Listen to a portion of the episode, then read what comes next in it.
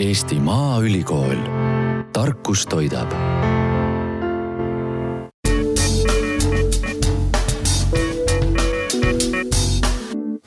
kuulate Innovaatika saate järg, järjekordset lindistust ja selles saates me räägime ühel põneval teemal, mida siiamaani liiga palju puudutatud ei ole, aga vajaks seda.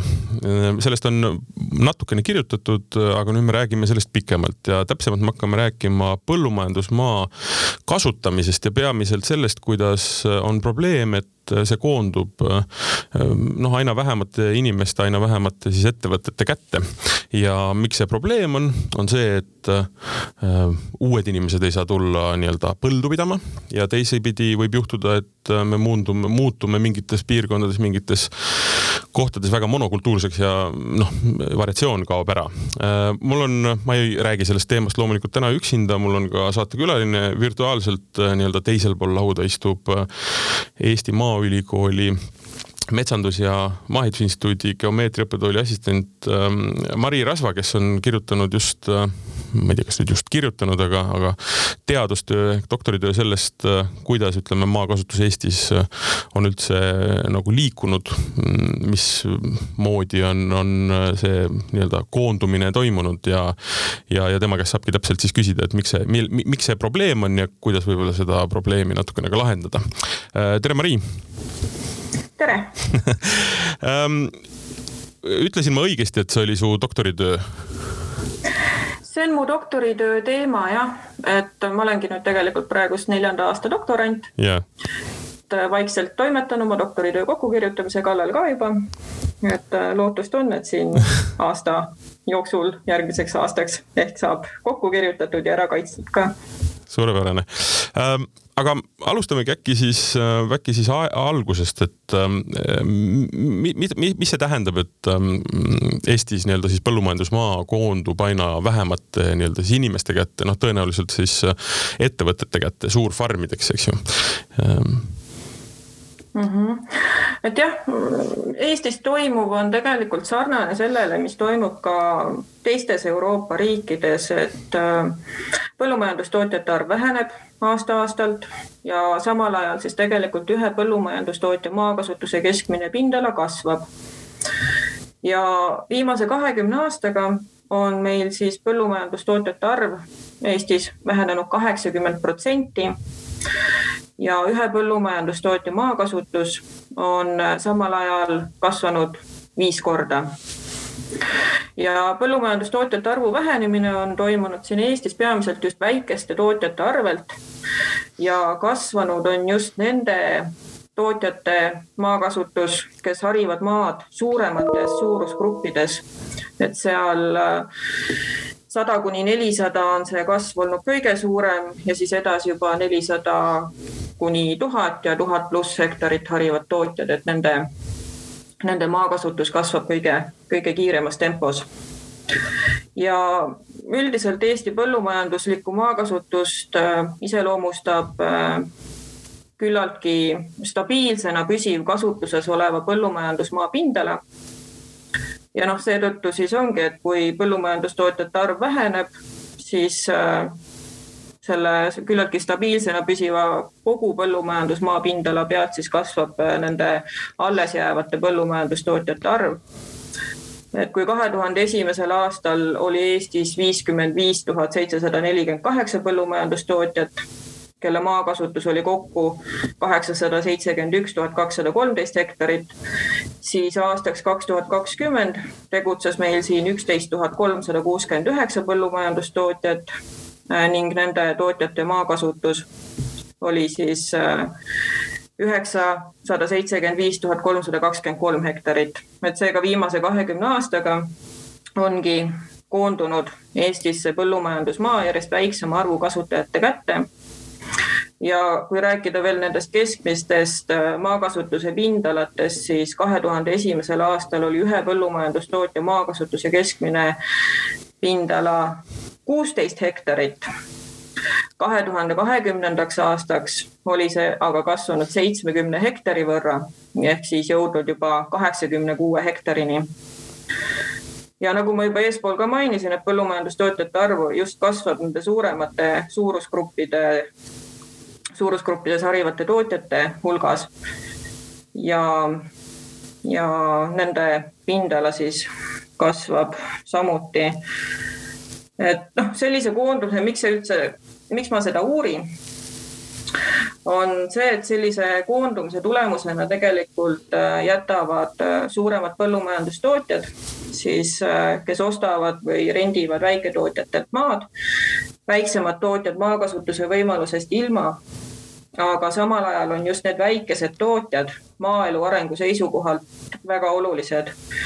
ja üldiselt kogu selle põllumajandusliku Äh, põllumajandusettevõtete struktuurilise mitmekesisuse säilitamise seisukohalt on väikeste tootjate olemasolu samuti oluline mm. -hmm, mm -hmm. ühesõnaga piltlikult öeldes äh, on olukord siis see, et äh, noh, kui me võtame selle kahekümne aastase perspektiivi, eks ju, siis tegelikult äh, noh, mm, me oleme muundu, muundunud nii-öelda riigina, aga üldiselt kogu see sektor ja kogu nii-öelda globaalses mõttes nii-öelda arenenud riigid on tegelikult ka põllumajanduses noh, teinud hoopis teistsugused otsused, eks ju, et niisugune pisikene ühe pere või, või, või pisifarm on tegelikult pigem ju igand elukand. ehk et selles mõttes, et inimesed ei ela maal selleks, et kasvatada iseendale toitu, vaid see on ikkagi äri, mis tähendab seda, et ühelt poolt on nagu arusaadav, et see koondumine toimub, aga et teiselt poolt äh, mm, ma saan aru, et äh, siin, siin vahepeal on olnud olukord, kus maal ei ole siis olnud popp elada või,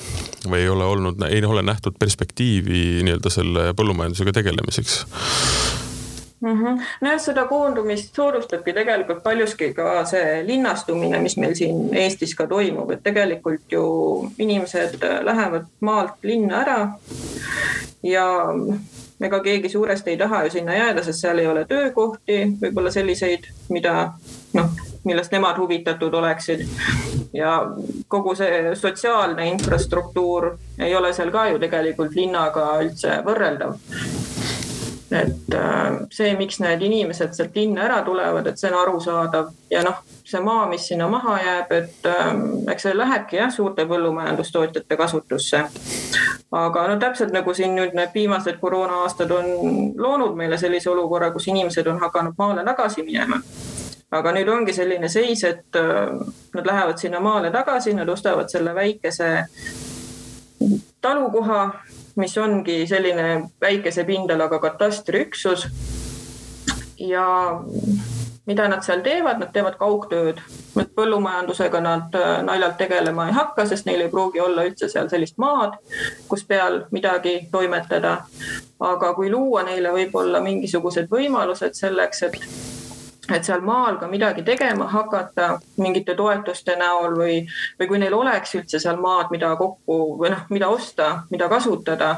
et see avardaks võimalusi nende jaoks et ühesõnaga ma saan aru, et äh, inimesed läksid ju maale tagasi põhimõtteliselt, aga äh, nad läksid sinna elama lihtsalt.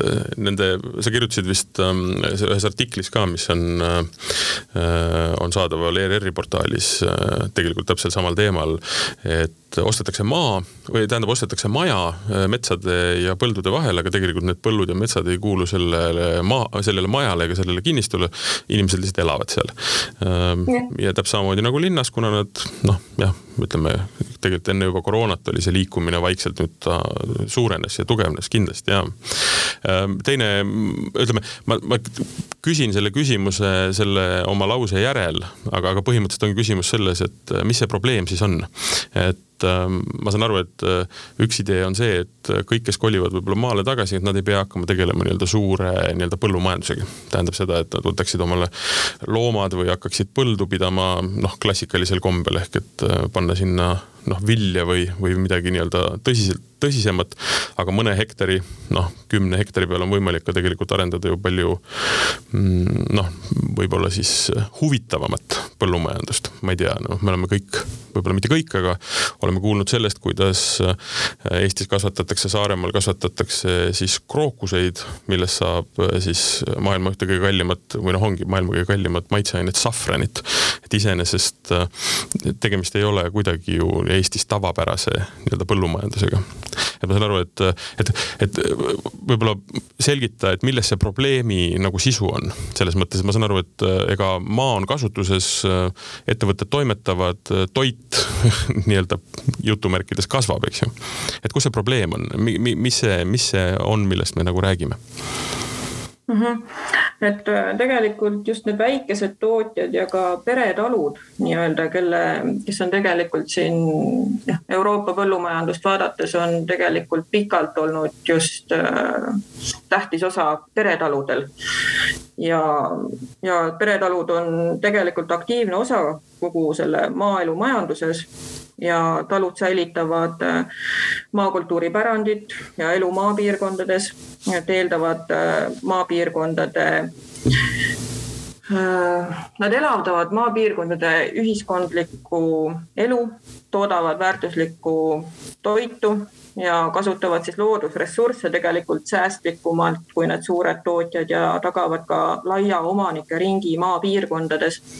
et tegelikult see omanike ringi laius on ka oluline, sest äh, see juba tegelikult tuleb jutuks ka meie riigi nii-öelda julgeoleku seisukohalt, et äh, et kas siis see põllumajandusmaa on nende üksikute suurte tootjate käes või on see omanike ring tunduvalt laiem. ja tegelikult see peretaludel põhinev põllumajanduslik, põllumajanduslik tootmine ähm, tagab ka konkurentsi turul. et kui siin jäävadki mõned üksikud äh, suured tootjad, et noh, siis ei ole ju erilist konkurentsi. et äh, ongi lõpuks monopol mm. -hmm viib nii-öelda toorme, toormehinnad alla, eks ju. mitte toormehinnad kui, kui sisendhinnad, aga need äh, nii-öelda tootehinnad või tootmis, äh, tootehinnad, mis nii-öelda siis äh, põllumajanduses tekivad, et viib nende, nende hinnad alla mhm. ja noh, tegelikult see talude arvukus on ka inimkonna kestmajäämise seisukohalt väärtus omaette. et ta tagab ka suurema hulga inimeste oskused ja teadmised siis toidu tootmisest mm -hmm. ja, ja paneb ka aluse vajalikule ellujäämisele, ellujäämisteadmistele ja oskustele, et kuidas siis kriisiolukordades ka hakkama saada. et kui ühel hetkel ei olegi võimalik seda toitu poest saada. et kas sa siis oskad minna ja tegelikult ise endale seda kasvatada? Jah, just täpselt mm. -hmm. et noh, me ju näeme, mis kasvõi näiteks praegu Ukrainas toimub. just. et need on väärtuslikud oskused, mida tegelikult peaks nii-öelda andma, andma edasi. Need peaksid meil olema nii-öelda sootsiumina, inimestena, ühiskonnana olemas, eks ju just, just. aga noh, selleks, et neid oskuseid omandada, selleks peab olema ju olemas see soov sinna maale minna ja selle põllumajandusega tegeleda, et see on muidugi omaette teema, et kuidas kuidas see täpselt äh, nende, nende noorteni viia, aga noh, tegelikult on ju näha siin viimaste aastate jooksul täpselt see, et inimesed hakkavadki maale tagasi minema ja okei okay,, et mingi osa nendest võib-olla ei plaanigi põllumajandusega tegelema hakata, et noh, võib-olla tegelevadki seal oma kaugtööga ja on sellega rahul, et saavad seal metsade vahel lihtsalt olla. aga on ka neid, kes äh, tulevadki linnast ja mõtlevad, et nad hakkavadki nüüd äh, põllumajandusega tegelema, et kas nad siis peavad seal mingisuguseid linde või siis hakkavad tõesti midagi kasvatama, peavad mingisuguseid loomi, tegelevad äh, turismitalu ülesehitamisega.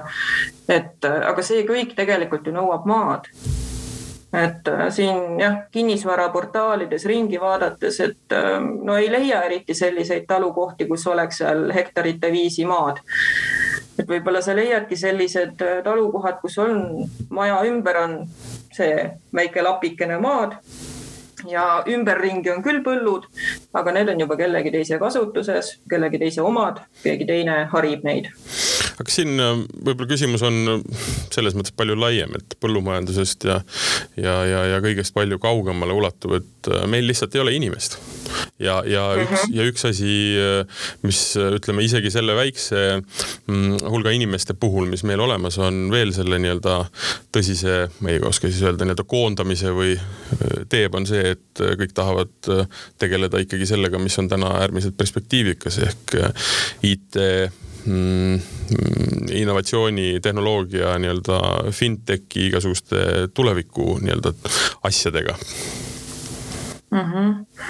aga noh, tegelikult on ju võimalik selle kõigega ka tegeleda nii, et äh, sul on põllumajandusega tegelemine hobi korras, et mm, -hmm. et sa lähedki sinna maale ära, sa tegeled oma IT-asjadega ja samal ajal sul on võimalik sealt kõrvalt ju ka midagi muud teha. et äh, jah aga ühesõnaga see, ma saan aru, et see probleem iseenesest jaguneb äh, üsna mitmeks. üks asi on puhtalt nii-öelda maakasutus, äh, et kasvatada toitu, ehk et äh, küsimus on nii-öelda turvalisuses, et kui on võima-, võimalikult väikeste inimeste käes see ressurss, siis lihtsalt noh, tekivad hinnapainded ja, ja lisaks sellele, no Eestis vist seda väga ei ole, et me ei teaks, kellele see maa kuulub, selles mõttes, et välismaised suured korporatsioonid ei ole vist nii-öelda jutipidi noh, nende ettevõtete omanikud, kellele kuulub see maa, et äh, vist on ikkagi niimoodi, paranda mind, kui ma eksin, et äh, need suurfarmid on ikkagi nii-öelda Eesti omanike või vähemalt Eesti omanike osalusega. et päris niisugust nagu pimedat suurkorporatsiooni meil Eestis vist maad ei oma minu teada mitte, aga noh, üldiselt üldse nendest äh, ettevõtetest rääkides, siis Eestis on äh, tegelikult ikkagi üsna keeruline selgeks teha, et kui palju maad siis tegelikult ühe ettevõtte kasutuses või omandis on, sest noh, need ettevõtete struktuurid on nii keerukad, et seal tuleb ikka näpuga järge ajada, mm. kuniks sa lõpuks jõuad selleni, kui palju läbi nende erinevate ettevõtete siis kogu selle ettevõtete süsteemi kätte kuulub mm. -hmm. et seda teemat uuris äh, siin kaks tuhat kaheksateist aastal Kadri Rea oma magistritöös ka. et äh, tema teemaks oligi leida siis äh, või uurida maakasutuse koondumise hindamise keerukust omavahel seotud ettevõtete alusel ja töö tulemusena ta leidiski, et tegelikult äh, lihtsate ja kiiresti teostatavate päringute alusel ei olegi Eestis võimalik hinnata nende seotud ettevõtete maakasutuse koondumist. Et noh, selleks, et saadagi öelda seda, et täpselt kellele Eestis siis see põllumajandusmaa kuulub, et äh, seda on keeruline öelda et noh, seda on teada, et peamiselt on ikkagi juriidiliste isikute kasutuses, et äh, füüsilised isikud tegelevad seal üldiselt väiksemates suurusgruppides tootmisega. aga need suuremad nelisada pluss äh, harivad äh, on just juriidilised isikud mm. -hmm, mm -hmm. aga see tähendab seda, et ähm, mm, kas, kas selle pildi jääb keerulisemaks ka näiteks see, et, et ositi see maa ei ole neile müüdud, vaid see on rendile antud? jah, seda ka kindlasti. aga, aga kas see omakorda tähendab siis seda, et tegelikult ütleme, maa kuulub äh, ikkagi üsna, kuidas ma ütlen, ikkagi laiemale grupile, kelle käest on võimalik seda ähm, noh, kuidas ma ütlen, me jõuame võib-olla nüüd selle äh, osani, kus äh, hakkame lahendusi otsima. Mm, et, et ma saan aru, et, et see mm, noh, maaomand ei ole veel läinud kõik äh, nendele suurkorporatsioonidele niimoodi kätte, et nad noh, sealt kätte on seda saada veel võimatum, eks ju, et ta tegelikult väga paljuski on noh, ütleme sellel endisel omanikul käes, ta lihtsalt rendib seda välja jah, jah, et äh, see on ka, et paljud äh, suured tootjad äh, rendivadki ja selle nii-öelda renditud maade osakaal on küllaltki suur. et kõik ei ole otseselt jah, et nüüd oleks kokku ostetud. et seda, sellepärast ongi mu teema ka maakasutus et ma uurin nii seda omandit kui siis renti koos, et ma ei ole neid ära eristanud, et kui palju on siis ettevõtete omandis ja kui palju on renditud et see on muidugi omaette teema jälle mm. -hmm. et ühesõnaga ma tulen selle veel ühe kaks, kaks küsimust tagasi teema juurde vist. et ühesõnaga ühelt poolt on ta siis küsimus selles, et, et maa lihtsalt kuulub või, või seda kasutab nii-öelda väike ring ettevõtteid ja on see on küsimus nii-öelda turvalisuses, eks ju, siis on hinna küsimus. aga kas ma saan aru, et noh, et väga suur osa sellest on problemaatikast on ka see, et lihtsalt ähm, inimesed, kuidas ma ütlen, ei lähe tagasi maale looma sinna selliseid täisväärtuslikke nii-öelda kogukondi, kus noh, kasvatatakse asju, samas tehakse nii-öelda IT-d et noh, me ei räägigi sellest, et peaks andma noh, nii-öelda seda maad teistele korporatsioonidele või teistele nii-öelda suurfarmidele. et see võikski jääda siis nii-öelda ühe kuni kümne hektariga nii-öelda siis inimeste kasutusse, kes teevad seal siis noh, mida iganes põhimõtteliselt, eks ju mm. -hmm. et noh, tegelikult ongi, et seda, siin peakski sekkuma riik seadusandlikul tasandil, et, et kui võrrelda siin noh, vaadata, mis teistes Euroopa riikides tegelikult on tehtud, siis näiteks meie enda naaberriigis Lätis on alles hiljuti kehtestatud piirangud sellele, kui palju üks isik või ettevõte võib üldse maad omada ja nii samamoodi on ka tegelikult äh, Leedus kehtestatud piirangud sellele, kui palju üks isik või ettevõtete ring siis võib omada kokku maad et äh, siin ongi küsimus see, et kas Eestis tuleks tegelikult ka mõelda selle peale, et, äh, kui palju maad nagu ühe ettevõtte või, või isiku omandis või kasutuses kokku üldse olla võiks. et kas... seda jääks ka teistele kasutuseks mm. -hmm kas sa selles ähm, töös uurid ka seda, et nii-öelda efektiivsuse momenti ehk et ähm, noh me oleme harjunud ju selle mõttega, et suurem on nii-öelda efektiivsem, kuna sa vist oma artiklis ka nii-öelda mainisid seda, et noh, ükskõik kui suur su nii-öelda loomapidamine on, siis see silotorni ehitamine maksab ikka sama palju. Ähm, et kuidas see efektiivsuse küsimus on, et, et suured on tavaliselt efektiivsemad mm. -hmm. noh, see otseselt nüüd äh, selline fookus mu tööl ei ole, aga ta on ikkagi, ta on seotud sellega, et, et noh, see majandusliku poole pealt ongi sul olla parem suur. sest äh, täpselt seesama Äh, see oli vist sõnnikuhoidla näide, mis ma tookord tõin seal. see, kui võtta, et siis see võikski olla täpselt sama ju nii suurtootja kui väiketootja jaoks.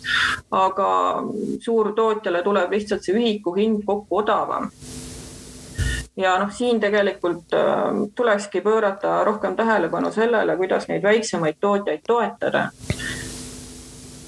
et äh, siin tegelikult Euroopa tasandil on ka viimasel ajal hakatud rohkem tähelepanu pöörama sellele, et toetada just neid äh, noori põllumajandusesse sisenejaid ja, ja väikeseid, väikeseid talumajapidamisi. aga kas, ähm, kas äh, on sul mingit infot või, või tuli see ka töö, tööga seoses välja või oli sul äh, nii-öelda kontakt, et et, ähm, et kas on siis probleem äh, tõesti nii-öelda tõsine, et inimesed tahavad maale minna põldu harima, noh, kõige laiemas mõttes. Äh, paneme sinna alla ka siis nagu sa ise ka tegelikult mainisid, noh, nii-öelda turismitalud näiteks või mingisugused, äh, ma ei tea, veinitalud või nii edasi, nii edasi, et kas on probleem, et ei ole võimalik maad osta? -hmm. jah, ja tegelikult. või, või, või rentida, vabandust.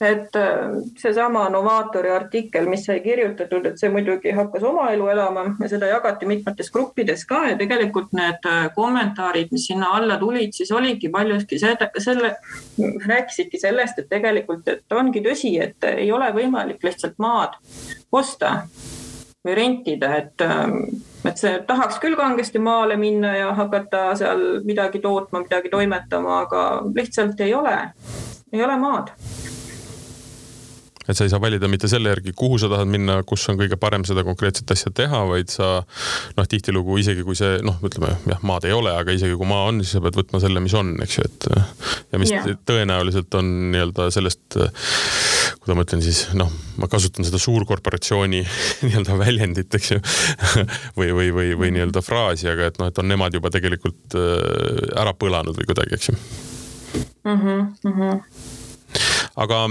hea on vaadata või võrrelda ennast äh, või, või seda situatsiooni nii-öelda naabritega, et äh, oskad sa rääkida, kus on nagu veel halvemini ja kus on nagu paremini, mille poole me peaksime siis nagu püüdlema mm? -hmm. et nagu ma ka enne siin natuke juba rääkisin sellest Lätist ja Leedust, et äh, et seal on tegelikult noh, nüüd ongi kehtestatud piirangud, et kas nüüd olukord läheb paremaks, et iseenesest tegelikult, kui võrrelda nüüd meie nii-öelda tootjate keskmisi, keskmisi maakasutusi ja nende pindalaid, et siis Läti ja Leeduga võrreldes on Eestis maakasutuse pindala tunduvalt suurem. oligi, mis ma siin vaatasin, et kaks tuhat kuusteist aastal siis Eurostati andmetel oli ühe põllumajandustootja keskmine maakasutus Eestis kuuskümmend hektarit, Lätis kakskümmend seitse koma kuus hektarit, Leedus üheksateist koma viis hektarit. aga nüüd Eesti ei ole midagi veel selle maakasutuse koondumisega seoses ette võtnud. samal ajal äh, Lätis on kehtestatud piirangud sellele, et äh, Lätis ei saa füüsiline isik või ettevõte omada üle kahe tuhande hektari maad ning kokku ei saa siis seotud isikutel olla üle nelja tuhande hektari maad. ja samal ajal Leedus ei tohi füüsiline või juriidiline isik ja seotud isikud omada kokku üle viiesaja hektari põllumajandusmaad et noh, selle keskmise maakasutuse järgi võiks öelda, et seal nagu olukord ei ole nii hull kui Eestis, aga et seal on juba probleemiga tegelema hakatud. et äh, nüüd ongi küsimus see, et kuhu siis Eesti välja jõuab siin ongi üks ekstreemsemaid näiteid siin Euroopa kandist on muidugi see Šotimaa näide. Et kohalik keskkond soosiski pikalt maa koondumist väheste kätte ja no probleemiga tegelema hakkamiseks, hakkamise hetkeks oligi siis kümme protsenti maast kaheksateistkümne, kaheksateistkümne eraomaniku käes ja noh, tänaseks ongi sealne maaelu suuresti hääbunud ja riik teeb siis jõupingutusi selleks, et äh, seda maaelu uuesti suurte investeeringutega käima tõmmata. ja tegelikult ka teine näide siin üks Euroopa suurimai, suurim musta mulla piirkond on Ukraina. ja sealgi kahe tuhande kuueteistkümnendal aastal oli keskmine, keskmine maakasutus nelisada kolmkümmend viis hektarit. et see on muidugi tunduvalt, tunduvalt suurem arv kui Eestis, aga muidugi riikide mõõtmed on ka erinevad aga mis seal veel oli, et ühe põllumajandusettevõtte keskmine suurus on siis Ukrainas Euroopa suurimaid ning üks protsent Ukrainas tegutsevatest põllumajandustootjatest kontrollib enam kui kolmkümmend kolm protsenti kogu riigi põllumajandusmaast mm. -hmm. et päris hirmutavad numbrid ja tegelikult enne nüüd äh, selle aasta veebruarit äh, oli seal käimas ka maareform mille lõpptulemusena soovitigi siis tagada läbipaistev, õiglane ja efektiivne põllumajandusmaa turg. et noh, see, kuhu see siis lõpuks välja oleks jõudnud, äh, jah, seda me vist ei näe. hetkel kahjuks mitte, jah. jah, just. aga noh, Šotimaal samamoodi käib maareform selle nimel, et siis, et siis seda maaelu uuesti käima tõmmata ühesõnaga, ma saan aru, et see Šotimaa olukord on täna siis umbes selline, nagu on Austraalias. et sa võid sõita kilomeetreid, noh, Šotimaal mitte päevi, aga, aga kilomeetreid ja sadu kilomeetreid ja tegelikult sa ei näe seal mitte kedagi, kuna see maa kuulub nii-öelda ühele ettevõttele, seal toimub põllumajandus ja noh, seal ei ole lihtsalt mõtet kellelgi elada. ega mm -hmm. toimetada ega olla, eks ju. jah, just, just mm. -hmm, mm -hmm aga kui sa oma selles töös nagu puudutasid ka seda, et et, et kui palju on võimalik nagu maadel kasutusse võtta, palju Eestis on võimalik veel maad nii-öelda põllumajanduskasutusse võtta? mm. -hmm. noh, see maad kasutusse võtta iseenesest ju saab, aga ise, küsimus on muidugi selles, et, et kas seda on otseselt vaja juurde kasutusse võtta. et. no ta tõenäoliselt tuleks metsa arvelt, siis ma eeldan noh jah, jah, just. noh, mina arvan seda, et teda võib-olla otseselt juurde ei olegi vaja võtta, aga, aga pigem peakski vaatama seda, et kuidas nüüd jaotub see juba praegus kasutuses olev maa, et ta olekski, kui keegi soovib tõesti põllumajandusega tegelema hakata, et tal ei oleks probleem sellega, et ta ei saaks seda maad kätte. tal ei oleks mingisuguseid vahendeid, et seal siis noh, rahalisi vahendeid, et seal midagi tegutsema hakata, toimetama hakata et äh, jah, selle maa kasutussevõtu osas äh, ma ei ole nii kindel, et kas seda nüüd, ma ei ole seda nii täpselt uurinud ka. Aga üks asi, mis kas see tuli uuringust või sellest su tööst välja, et kui palju näiteks sellest maast, mis on nii-öelda siis nende suurema, suurte firmade või noh, ütleme selle väikse hulga nii-öelda ettevõtete või inimeste käes, et kui palju sellest tegelikult nagu kasutuses on? Mm -hmm. ja miks ma, miks ma seda küsin, on see, et, et noh, et, et kui äh, mina tegutsen mingil alal ja siis keegi ütleb mulle, et näed, kuule, et siin on ma ei tea, noh, ütleme mingisugused järgmised laod on saadaval ja nad on noh, täitsa nii-öelda nonsense hinnaga. et noh, isegi kui mul neid vaja ei ole, ma võtan nad ära, et nad on iseenesest nagu turult väljas. aga tegelikult midagi ma nendega ei tee, ehk et kas see tuli ka välja, et kas on, kui, palju on seda maad, mis tegelikult on nii-öelda selles nimekirjas, mida sa uurisid, ehk et nendes, nende väikeste arvu ettevõtete või inimeste käes, aga tegelikult noh, ei kasutata. mis võiks iseenesest üsna lihtsalt minna siis kellelegi kes tahab seda kasutada mm,? seda otseselt mina nüüd niimoodi uurinud ei ole, et äh, minu analüüsid põhinevadki tegelikult äh, PRIA toetusandmetel ehk siis äh, sealt läbi tulevadki minuni jõuavad need tootjad ja maakasutuse pindalad, mis ongi siis reaalselt hetkel kasutuses et noh, eeldus on, et kui sa maa nii-öelda rendile võtad või ostad, et ega sa teda niisama seista ei lase. et mingi hind tal ikkagi noh, on ja üsna kõrge tegelikult hind. ja, ja mm. -hmm aga kui, ähm, kui sa nüüd maaliksid pildi, ähm, kui Eesti midagi ei muuda et mis see pilt nii-öelda selles sinu siis töö nii-öelda siis valguses võiks olla Eestis näiteks kümne, viie või kümne või ka viieteist, kahekümne aasta pärast? et ma eeldaks seda, et äh, maa koonduks edasi äh, suurte siis äh, põllumajandusettevõtete või siis agrotööstuskontsernide kätte mis iseenesest tegelikult on vastuolus meie euroopaliku valdavalt siis peretaludel põhineva jätkusuutliku ja multifunktsionaalse põllumajanduse mudeliga.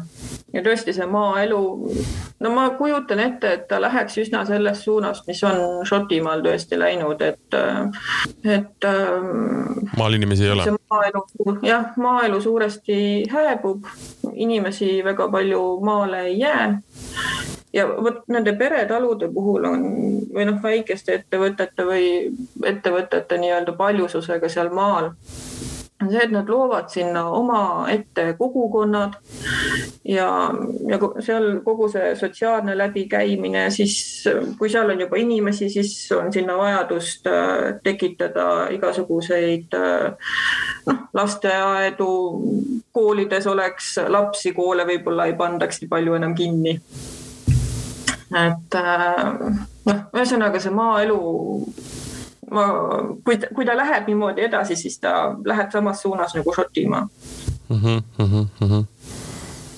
aga kui me muudame kui me võtame nii-öelda positiivsema siis äh, vaate sellele asjale äh, ja, ja see maakasutus nii-öelda mm, saab, ma ei tea siis ratsionaalsem või noh, ratsionaalsem mitte, aga ütleme nii-öelda võrdsem. et siis milline siis see pilt võiks olla? Ma, ma ütlen mm -hmm. seda, ma, ma, ma, ma arvan, et ma tean, äh, mis, mis see reaalsus võiks olla. seda näitas meil nüüd varsti kümme aastat tagasi nii-öelda toimunud, kuidas ma seda nimetan, selline väiketootmise revolutsioon toidus, äh, mis algas, ütleme, õllerevolutsiooniga, kuhu järgnesid siis noh, absoluutselt kõik nii-öelda tootmised, kõik nii-öelda toidusektor, kõik valdkonnad, ähm, kus avastati, et tegelikult seda, mida me oleme nii-öelda oma ma ei tea, kas talus teinud või oleme tahtnud teha, sellel on ka turgu, mis tähendab seda, et noh, et kümne aasta tagune toidulaud oli eestlastel ikkagi või noh, vähemalt äh, see, mis, mida oli võimalik saada või mida müüdi, oli ikkagi kümme, kui mitte sada korda vaesem, kuna juurde on tulnud noh, juustu, sai, juustuleiva vorstitootjatest kuni jäätiseni, eks ju, noh, et neid on harukordselt palju.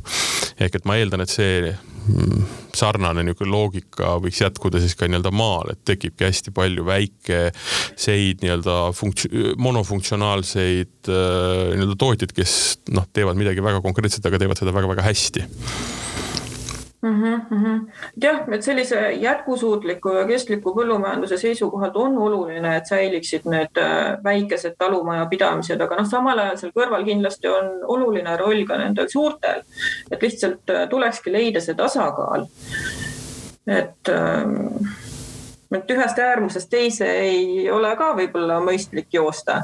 aga, aga jah, see kahe vahel olev tasakaal, praegu me oleme tasakaalust väljas, aga, aga kui see tasakaal leida, et, et siis võiks tõesti jah, nagu siin viidatud sai, et mm, et see ettevõtete paljusus jah aga kas mõnes riigis on nagu ka väga hästi sellega praegu, et see tasakaal on leitud?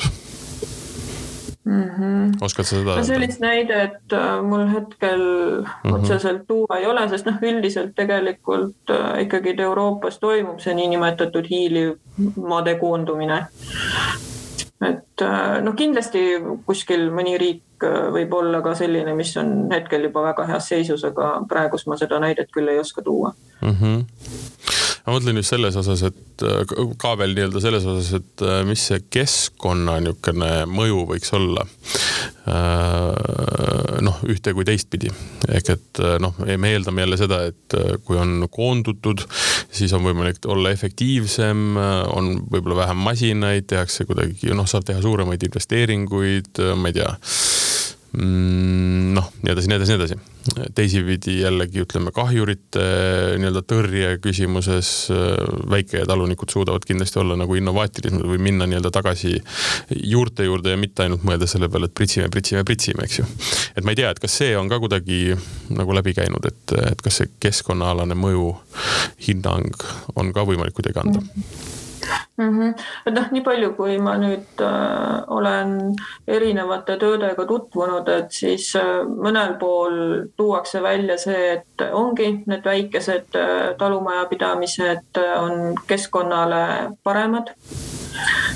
ja, aga on ka neid uuringuid olnud, kus tuuakse välja, et tegelikult äh, ei pruugi olla nii et need väikesed nüüd keskkonda rohkem säästavad ja on nagu keskkonna seisukohalt etemad kui need suured. et siin on nagu kahetisi arvamusi ja siin sellist äh, ühte, ühte mm -hmm. keskteed ma nagu ei oska praegu küll välja tuua ma kujutan ette, et ikkagi see, see balanss peab olema, sellega ma olen nõus. et suurtootjad on ikkagi need, kes nii-öelda sellel toidu meile nii-öelda jutumärkides lauale toovad, eks ju. suudavad olla efektiivsed, suudavad teha asju väga nagu sirgjooneliselt ja suures mahus.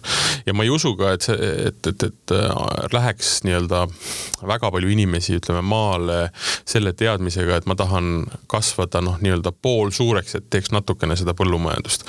Ehk et pigem on ikkagi see, et kui siis juba kasvada nagu korralikult. Äh, aga mida ma arvan ja mida ma täitsa usun, kellele, kelle huvi oleks nii-öelda maale põldu minna pidama, ongi sellised, äh, nagu sa ka mainisid, nii-öelda pere, pere, pered, äh, võib-olla väiksemad kogukonnad, kes siis võta, võtaksid kätte mingisuguse tõesti noh, unikaalse nii-öelda nurga. ehk et vilja ei ole nagu mõtet selles mõttes tavalist rukist või nisu ei ole mõtet kasvatada, kuna see ähm, noh, sa ei suuda nii hästi seda teha tõenäoliselt kui nagu suurfarmid. aga täpselt nagu see, ütleme safranikrookused või, või, või mingid maitseained või jumal teab mis veel, eks ju. et mm -hmm. see muidugi kindlasti rikastaks ja ja jah, et tulekski nendel peretaludel tuleks leida mingisugused nišitooted. noh, arvatavasti, kui nad sinna maale juba lähevad, siis neil mingid mõtted on kindlasti olemas ka. et millele siis oma tootmises keskendudagi. et see olekski nende eelis nende suurtootjate ees. ja ma saan aru, et mõte ei ole äkki noh et need, et need talupidamised peaksid olema suuremad kui, kui mõni hektar, eks ju jah, jah, et äh, kui neid väikeseid olekski rohkem, et nad annaksid oma osa. Ähm, oluline ongi see, et äh, need maakohad just tühjaks ei jookseks mm. -hmm et seal olekski võimalus elada, sul oleks seal olemas äh, kõik eluks vajalik, nagu tegelikult meil linnas on, kahjuks maal enam suurtes osades ei ole võimalik et noh, ei olegi, koolid pannakse kinni, toidupoode ei pruugi ka seal olla enam. Mm, postiasutused pannakse ka kinni mm. -hmm et noh, tegelikult seal ei olegi ju sellist terviklikku elukeskkonda enam, kuhu inimene minna tahaks. ehk et ma saan aru, et olgugi, et, et sa oled Metsandus- ja Maa-ehitusinstituudis, siis küsimus ei ole niivõrd, ütleme selles maas ja selle, ütleme heaperemeheliku, heaperemehelikus kasutuses või sellest, mida sealt saadakse ja mida seal kasvatatakse, vaid küsimus on hoopis nii-öelda ühiskondlikum, sotsiaalsem. jah, võib ka nii öelda mm sest et ega see maa sööti ja seal keegi ikka midagi kasvatab jah, jah. küsimus on lihtsalt selles, et maal, kui maal ei ole inimest, siis on noh, seal, seal ei ole midagi muud, eks ju mm. -hmm, mm -hmm. aga mis sinu enda selline usk on, et ähm, kuhu suunda me pigem nagu minemas oleme? no vot ongi, ma ise loodaks seda, et äh, olukord läheks paremaks. et äh, meil on tegelikult on loodud ju nii palju selliseid erinevaid võimalusi maale minekuks, et isegi kui sa täiemahuliselt kuskil seal mingisuguse põllumajandusega tegelema ei hakka, sul on võimalik teha kaugelt tööd. sa saadki kasvõi oma perega kuskile maakohta minna ja seal vaikselt kasvõi hobi korras toimetada et noh, ma kujutan ette, et tegelikult paljud inimesed äh, võib-olla tahakski kuskile maale ära minna, et äh, see linnakeskkond äh, palju inimesi, eestlastele meeldib võib-olla natukene rohkem omaette olla. et kui ma enda peale mõtlen, siis noh, tegelikult ma ise olen ka ju praegu Tartus linnas mm. -hmm. ja minu selline pikem perspektiiv on, mõte on ikkagi see, et ma kunagi lähen ka Saaremaale tagasi ja hakkan ka seal kas siis mingisuguseid loomi kasvatama või igal juhul ma tahaks ka endale kunagi osta mingisuguse sellise talukoha aga talukoha mitte niimoodi, et seal on ainult maja ja natukene nii-öelda peenramaad, vaid et seal oleks ka noh, maad-maad. jah, just täpselt, et seal võiks olla ikkagi vähemalt kümme hektarit maad mm. -hmm. et, et olekski selline pisikene talumajapidamine, et mida siis oma nii-öelda perega saaks seal pidada. iseenesest see mõte mulle nagu väga meeldib, et ähm, ei pea olema nii-öelda äh, jätma kõik maha ja minemagi nagu põllumeheks, eks ju. et see, see ei ja, tähenda seda, et sa võid teha mida iganes sa tahad. Mm, ja tegelikult noh, hobi korras see mingil hetkel võib-olla ei ole enam nii hobi, kui me räägime näiteks, ma ei tea, kümnest hektarist ja ma ei tea, mitmetest äh, nii-öelda mm -hmm. loomadest, aga sisuliselt äh, tegeled nii nii-öelda kahe asjaga oma elus. Jah, ja noh, tegelikult sinna mingil määral kasvamine ju võtab ka aega, et äh, esialgu võib-olla tegeledki selle, selle põllumajandusega nagu põhitöö kõrvalt. ja hiljem ju, kui see juba tegelikult toob ka midagi sisse ja sa vaatad, et sul ongi võimalik sellega, sellele nagu täiskohaga pühenduda, siis, äh, siis on ju väga hea. Ja see tähendab seda võimalust, et äh, siis sa lähed ja ostad omale maad juurde nii-öelda, eks ju jah, just. aga ma mõtlengi, et aga kuidas see peaks siis välja nägema, kui ütleme, võetakse näiteks samasugune seadus vastu, nagu on Lätis ja Leedus. Ehk et ei tohi olla nii palju maad ühe nii-öelda ettevõtte või inimese käes. see on selge, et siis noh, lihtsalt mingisuguse aja vältel tuleb lihtsalt maad müüki, eks ju. et mm -hmm. mismoodi see siis käib, et, et ongi, et ütleme, ettevõte X, kellele täna kuulub siis ma ei tea, läbi koos kõikide nii-öelda seotud ettevõtete näiteks kakskümmend tuhat hektarit ma arvan, et see on täitsa, täitsa mitte isegi väga suur mm. ettevõtmine. see tähendab seda, et ta peab loobuma, ma saan aru, siis kuueteist tuhandest hektarist mm,. no vot seda jah. no, no võt, võtame, võtame nii-öelda, nii-öelda Läti näitel on ju, mis tähendab siis seda, et ta peab selle maa ära müüma. eeldan, et ta hakkab siis oksjone korraldama mm. -hmm no see on üks variant jah, et noh, selle koha pealt, et ongi, et need piirangud, mis on seda seotud, seotud, et ma ei teagi seda, kuidas nad nüüd täpselt organiseerisid seal ümber need osad, kus ongi nüüd äh, suured ettevõtted, et mis nad siis oma maaga seal ette võtsid. et selles osas küsimuse ma jään praegu võlgu mm. -hmm.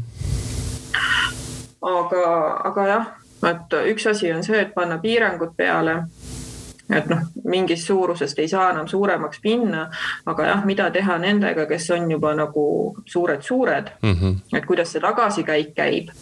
et see, see tuleks nüüd järgmiseks ette võtta mm. -hmm ja lisaks noh, sinna peavad tulema juurde siis, mida sa ka vist mainisid ju päris saate alguses, et peab tulema ka tegelikult äh, Äh, toetused ja peab tulema siis nii-öelda see kohalik omavalitsus või siis äh, nii-öelda ka riik appi, et tegelikult tekitada põhjust, et miks need inimesed äh, noh, selle maa ostavad ja sinna lähevad.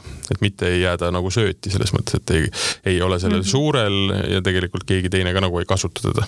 et noh, Eesti metsast ja. on ju äärmiselt palju nii-öelda eraettevõtete käes või erainimeste, eraisikute käes, ka eraettevõtete käes, kes tegelikult ei ole selle metsaga aastaid mitte midagi teinud võib-olla nüüd on nagu asjalood muutunud, kuna metsa hind on tõusnud, aga siin oli mingisugune kümnend, kus noh, lihtsalt pargiti raha ja lihtsalt osteti kokku ja mitte keegi mitte midagi ei teinud mm. -hmm. jah, ei, seda olukorda tuleks kindlasti muidugi vältida, et, et see maa nagu jääkski kasutamata ja hakkakski võsastuma lihtsalt, aga noh, muidugi tuleb, siis ta läheks ühel hetkel kasvaks metsaks, et et kui ühtepidi maad ei kasuta, siis.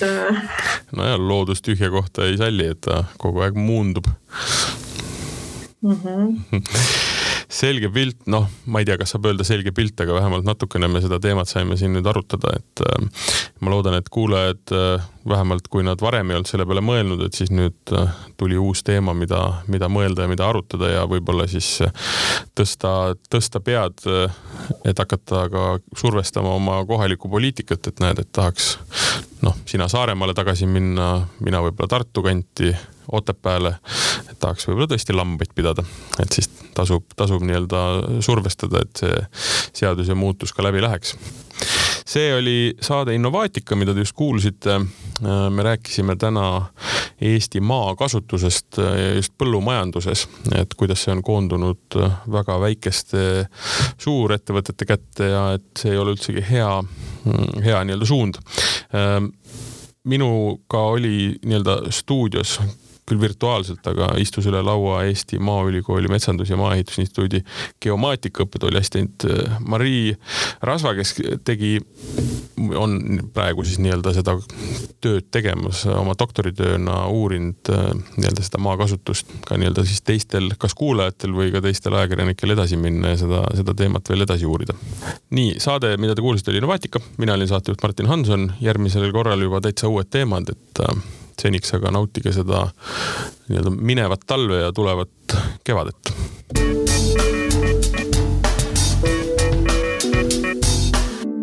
Eesti Maaülikool, tarkus toidab